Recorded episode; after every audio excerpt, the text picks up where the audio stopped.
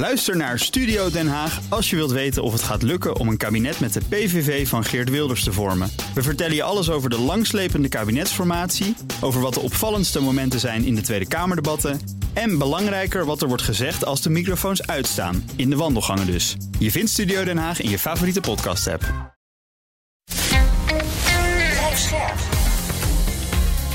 BNR Nieuwsradio. Boekenstein en de Wijk. Conor Klerks. Welkom bij Boekenstein en de Wijk. Het is dinsdag, dag 426 van de oorlog in Oekraïne. En we gaan het hebben over de kansen voor Oekraïne in dit conflict. Ja, het voorjaarsconflict, eh, de, de, mogelijke aanval, daar wordt al veel over gesproken. Rob, wat is de laatste stand van zaken daar? Nou, wat je op dit ogenblik eh, ziet is dat uh, steeds meer deskundige analisten die zijn aan het kijken van hoe kan zo'n offensief van Oekraïne er nu uitzien ja. de komende tijd en wat voor kansen maken ze dan. Nou, wat je nu ziet, ik zie dat in um, Understanding War, dat is die beroemde website waarin heel gedetailleerd vaak wordt aangegeven hoe de slagorde is. Mhm. Ik zie het um, in een stuk in de New York Times. Um, ik was laatst zelf nog een keer in debat met generaal Martin Kruijf en we kwamen ook eigenlijk tot dezelfde conclusie. En die conclusie is, ja, een tegenoffensief kan gedeeltelijk goed verlopen. Er zal uh, terreinwinst worden geboekt door Oekraïne. Dat zou heel goed kunnen. Maar uiteindelijk loopt het vast. En dan als het vastloopt, en als je naar de kaart kijkt, en er zijn heel gedetailleerde kaarten nu in omloop over uh, hoe uh, bijvoorbeeld al die fortificaties zijn ingericht door de Russen. Nou, die liggen pak weg. En 5 tot 10 procent, de, 5 tot 10 kilometer achter het front. en ehm, daar ja, daarvan wordt toch verwacht dat het ontzettend moeilijk is om daar doorheen te breken. En als je ziet hoe die fortificaties zijn ingericht, dan lopen ze eigenlijk over uh, het hele uh, front in het oosten en naar het zuiden toe. Dat is honderden kilometers. In het uiterste zuiden, bij Gerson, ziet het er iets anders uit. Uh, daar is eigenlijk de verdediging één grote puinhoop. En daar zien we dat de Oekraïners bij Gerson over de Dieper zijn gegaan. En een, een, niet echt een opmars uh, aan het doen zijn, maar eigenlijk is het al een wonder uh, dat ze hun uh, basis hebben ingericht aan de andere kant van de rivier, dus aan de oostkant van, het rivier, eh, van ja. de rivier in bezet gebied. En daar zie je dus dat, de, dat het een puinhoop is, wat Rusland aan het doen is, maar ze hebben enorme uh, verdedigingslinies, uh, fortificaties hebben ze inge, inge, ingericht in de richting van, uh, van de Krim. Dus de verwachting is ja, doorzetten. Ze kunnen terreinwinst boeken, maar dan lopen ze uiteindelijk weer vast. En dan is de grote vraag, wat gaan we dan doen? Hmm. Ja, ja, Even nog wat, wat getallen erbij, hè? want ik denk dat deze analyse, ja, die, die klopt. Hè? Um, als je aan het Russische kant kijkt, dan zie je dus dat die, door die Russische mobilisatie van vorig jaar, waar we het zo vaak over gesproken hebben, het was niet een echte mobilisatie, um, heeft Rusland nu wel meer soldaten dan bijvoorbeeld in Kharkiv, weet je In 2002 was ze toen heel snel, snel ver, ja. ver, verloren. Hè? Dus dat is wel een verschil. Nou, je moet, uiteindelijk moet je kijken naar de beschikbaarheid van troepen en beschikbaarheid van materieel. En ook naar de kansen om het materiaal van de tegenstander grote schade aan toe te brengen voordat je aanvalt. Hè? Nou, als je dat dan gaat bekijken, dan krijg je dus het lijstje bij uh, Oekraïne. We weten uit die uitgelekte documenten, hè, nog even herhalen. Er zijn 253 tanks nodig. Nou, ze hebben er straks 200 tanks eind april. Dat is al heel snel. Ze hebben drie brigades en elke brigade mist dus 12 tanks. En die Abraham tanks, die 31, die zijn er in de herfst, wordt nu gezegd uh, vandaag. Mm -hmm. Nou, als je dat ziet, dan heeft Oekraïne heeft dus geen overwhelming force. Hè? Dat, dat, is duidelijk. Nou, als je dat hebt, dan moet je dus deceptie gebruiken, waar ze zo goed in zijn. Weet je met die truc Gerson Misleiding. vorig jaar. Misleiding, hè? Snelheid. En ook gebruik maken van de complexiteit. Nou, waar ik dan een beetje somber van word, is gewoon de eenvoudige rekensom, wat Rob ook heel vaak uitlegt aanvallers hebben altijd een nadeel en mensen die verdedigen hebben een voordeel. Soms wel moet je dan dus een verhouding 4 staat tot 1 uh, rekenen. Je hebt dus heel veel Oekraïnse soldaten nodig om door die linies uh, heen te breken. En dat brengt je automatisch toch tot de gedachte dat misschien gaan ze wel uh, veel terrein winnen, maar dan op een gegeven moment wordt het weer een padstelling. Ja, dat is eigenlijk ja, die, ja exact. En die, die ver, ja, die verdediging van Rusland zit ook raar in elkaar. Hè? Dus ze zijn eigenlijk overal zijn ze in de aanval, zeg maar in dat hele front van het oosten naar het zuiden, behalve in Kherson. Uh, dat ligt in het uiterste zuiden, uh, ver naar het westen toe. Uh, daar zijn ze echt in het defensief. Dus overal wordt aangevallen. Maar het, het, het vreemde is dat er dus kleine aanvallen continu worden uitgevoerd. Maar die leiden iedere keer tot niks. En het idee is dat dat uiteindelijk ook de, de Russen verzwakt om die reden, wat we gisteren ook hebben gememoreerd, wordt er nu nagedacht volgens sommige van die Russische mailbloggers om 400.000 extra contractsoldaten te werven. Maar het, het meest bijzondere is, is dat er een discussie plaatsvindt tussen degene die zeggen van we moeten voor het defensief gaan en degene die zeggen van we moeten in het offensief blijven gaan. Nou, het lijkt dat de school, de offensieve school, die wordt aangevoerd door Poetin, dus die is de baas en dat gebeurt dus ook, maar daarvan zeggen, zeggen veel waarnemers in, ehm, in Rusland. Ja, dit is niet zo handig. Een deel van het Russische militaire commando ook in Rusland zegt van ja, we moeten toch eigenlijk steeds meer in het defensief gaan. Prigozhin, dus de man van de Wagnergroep, die zegt dat ook en die schijnt te suggereren nu dat je na een culminatie van de Oekraïnse aanval, dus als Oekraïne niet veel verder komt, je eigenlijk een pauze moet inbouwen om ervoor te zorgen dat je dan de nationalistische krachten aanwakkert in Rusland zelf en een verdere opbouw gaat plegen, gaat plegen van de Russische uh, krijgsmacht. Ja, dit, je, je ziet dat iedereen worstelt op dit ogenblik met de vraag van hoe nu verder. Ja. En we hebben ook nog steeds geen beeld wat, wat er nou precies gaat gebeuren. Er schijnen dus bij Zaporizhia vlak, vlakbij 11.000 Oekraïnse soldaten te, te, zijn, maar dat wordt allemaal niet bevestigd hoor. Maar er wordt gefluisterd. Men zegt ook dat Gerson dus het meest kwetsbaar is, maar je moet dus wel die rivier over, wat natuurlijk een ontzettend nadeel is, lijkt me. Ja. Uh, nou ja, eh, Donbass, ja, dat is ontzettend uh, vol met mijnen. Ja. En, en, en ik, kan, ik kan me ook geen deceptiestrategie voorstellen. Behalve dan. Nou, Melitopol wordt ook steeds genoemd. Hè? Dat noemde jij ook, Rob. Want dat, dat ja. het zit in het midden. Hè? Dus dan zou je kunnen zeggen: van je zegt dus dat je in Gerson weer allemaal dingen gaat doen. Maar in werkelijkheid wordt het Melitopol. Maar ja, daar ja, dan zou je vanuit de Zaporizhia Oblast uh, naar het zuiden doorstoten naar Melitopol. En dan zou je in theorie in staat moeten zijn om die uh, roemruchte landbrug van de Krim naar Rusland uh, te, ont, uh, ja, te ontwrichten, eigenlijk af te snijden.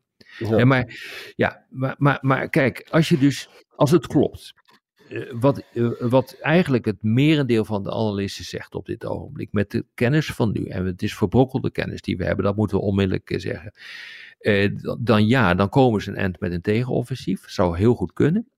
Uh, dan kun je zeggen van, ja, er zijn er twee plekken waar dat zou kunnen. Dat is in de richting van, uh, vanuit Zaporizhia, Melitopol en dan naar het zuiden. En je zou kunnen, je kunnen voorstellen dat je iets doet vanuit Gerson, Dieper over. Maar dat is toch wel lastig om hele grote eenheden over de rivieren te krijgen. En dan richting uh, de Krim.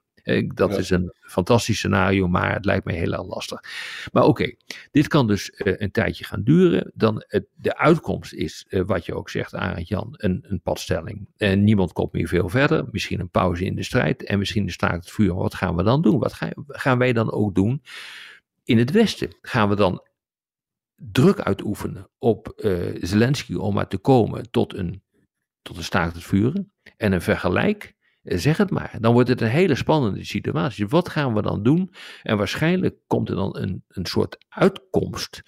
Naar aanleiding van die padstelling. Waar helemaal niemand gelukkig mee is. Hmm. Ja, daar ben ik ook bang voor. Ik kan een beetje voorspellen misschien dat dus in, in, in de herfst komen dus die Abraham tanks er wel bij. Hè? Dat zijn natuurlijk wel belangrijke dingen. Maar het zijn er maar 30. Dan zijn die jongens ook getraind erop. Ja, dat zal, zal in herfst nog wel flink gevochten worden, denk ik. Ja, dat zou kunnen, maar je zou dus ook kunnen voorstellen, eh, je, je voor kunnen stellen, eh, dat, dat is iets eigenlijk wat we een hele tijd al doen, eh, dat er dus een, een, een echte passtelling gaat ontstaan na dat, uh, na dat voorjaarsoffensief van, van Oekraïne. dat er dan sprake is van een situatie waarin de, de, de Russen ook bereid zijn om te komen tot iets, maar die zullen dan ook aan een eventueel akkoord, een staakt het vuren, conditie stellen. Wat, en wat gaan ze dan doen? En bijvoorbeeld, ze willen alleen maar tot een staakt het vuren komen als Oekraïne uh, belooft nooit lid te worden van de NAVO en de Europese Unie. Ik noem maar wat. Dat zou maar zo kunnen.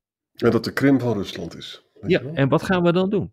Dus dat je dus condities gaat stellen aan, uh, uh, aan zo'n uh, zo'n staakt het vuren en een, en een mogelijk traject daarna. Maar wat gaat Europa dan doen? Gaan we daarmee akkoord? Ik denk dat een groot aantal Europeanen zeggen van nou doe maar. Dan zijn we tenminste hier vanaf. En ook als je dus gaat uitrekenen, gisteren hebben we daarover gesproken, en dat heb jij zitten uitrekenen, Jan, over wat kunnen we nou eigenlijk leveren aan munitie, aan materieel. dus dit, de komende tijd wordt denk ik echt heel erg spannend.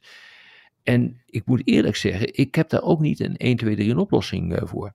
Ik ook niet. Ik ook Rob, niet. met die, die gelimiteerde uh, opties die ze hebben, ze hebben weinig materieel, uh, natuurlijk ook steeds minder mensen klaarstaan. Wat denk je dat voor Oekraïne het hoogst haalbare is in zo'n voorjaarsoffensief? Ja, dat ze een, een, een deel van het, het het terrein terugveroveren. Misschien slechts, maar ja, in het, in het ongunstigste geval, als ze in staat zijn om terug te veroveren, dan komen ze vast te zitten op die, uh, ja, op die verdedigingslinies die nu pakweg vijf tot tien kilometer achter het huidige front uh, liggen. Ja. En dan loopt het vast. Dan ben je waarschijnlijk in het uiterste zuiden bij, uh, bij Gerson ook nog in staat om wat, wat extra land te veroveren. Maar het belangrijk punt is dan uh, dat, uh, en dat is wel echt een grote overwinning ook voor Oekraïne, dat de beloofde annexatie van de hele Donbass voor Rusland er absoluut niet in zit. Ja. Uh, realiseer je dat op, op 1 april was de opdracht van Poetin voor over de hele Donbass. Nou, dat is niet gelukt en dan, dan hebben ze nog meer verloren. Dus ja, dat is al een, een enorme overwinning voor Oekraïne hoor, als dat gaat gebeuren. Maar dan zal ja, Rusland vervolgens eisen gaan stellen aan een staakt het vuren. En die zal dan uh, de kaart gaan spelen van EU en NAVO. Dat kan, niet, dat kan bijna niet anders. Dat ben ik ook bang voor, je. Weet je, ik denk dat de grootste kans is dus gewoon een padstelling. Hè? En dan krijg je eigenlijk weer een soort loopgravenoorlog. Het lijkt echt een beetje op de Eerste Wereldoorlog. Daar kan je, trouwens over de Amerikaanse burgeroorlog ook. Hè? En zelfs de Krimoorlog had ook uh, stellingen. Ja. En dat gaat, maar, dat gaat maar door. Het is vreselijk. Ja. Nou, een, ander, een, een, ander, een ander punt is, wat ook nog eens een keer zou kunnen gaan gebeuren, is dat er dus een, die padstelling tot de staakt het vuren leidt. En dat uh, er uh, wordt gesproken over een gedemilitariseerde zone. Uh, waarbij um, die, de, de, ja, de, de situatie daar wordt gemonitord door waarnemers. Ja. Nou, die, die, gedachten die zijn er ook. Dat is ook een van de scenario's die ik langs zie komen. Ja, en wie gaat dat dan doen? Hm. Uh, die uh, dat, dat, toezicht houden op die gedemilitariseerde zone. Nou, je, je moet dus nu op dit ogenblik, gezien de huidige slagorde, rekening houden met dit soort ja, tamelijk vervelende scenario's. Ja, want dan wordt het een beetje Noord-Korea, Zuid-Korea, toch? Ja, dat, nou ja dat, dat is iets waar we, waar we een half jaar geleden al voor ja. hebben gewaarschuwd, dat dat echt zou kunnen gaan gebeuren. Maar dan krijg je inderdaad een dergelijke uitkomst. Ja. En je leest soms ook van die scenario's waar ik zelf eigenlijk niet in geloof, maar dan van die tipping points. Hè? Van dat de zaak dus instort aan de Russische kant. En dat ze dan toch in staat zijn om een behoorlijke, behoorlijk stuk te doen. Dat ja, ik denk dat gewoon... dat, uh, ja. voor zover ik het nu kan, kan inschatten. Hè? Ik bedoel, we hebben geen glazen bol. Hè? Dit moet allemaal even duidelijk worden gezegd. Dat je dat dus niet gewoon keihard kunt uh, veronderstellen dat dit allemaal kan gaan gebeuren. Maar voor zover we nu zien, zal Rusland niet instorten.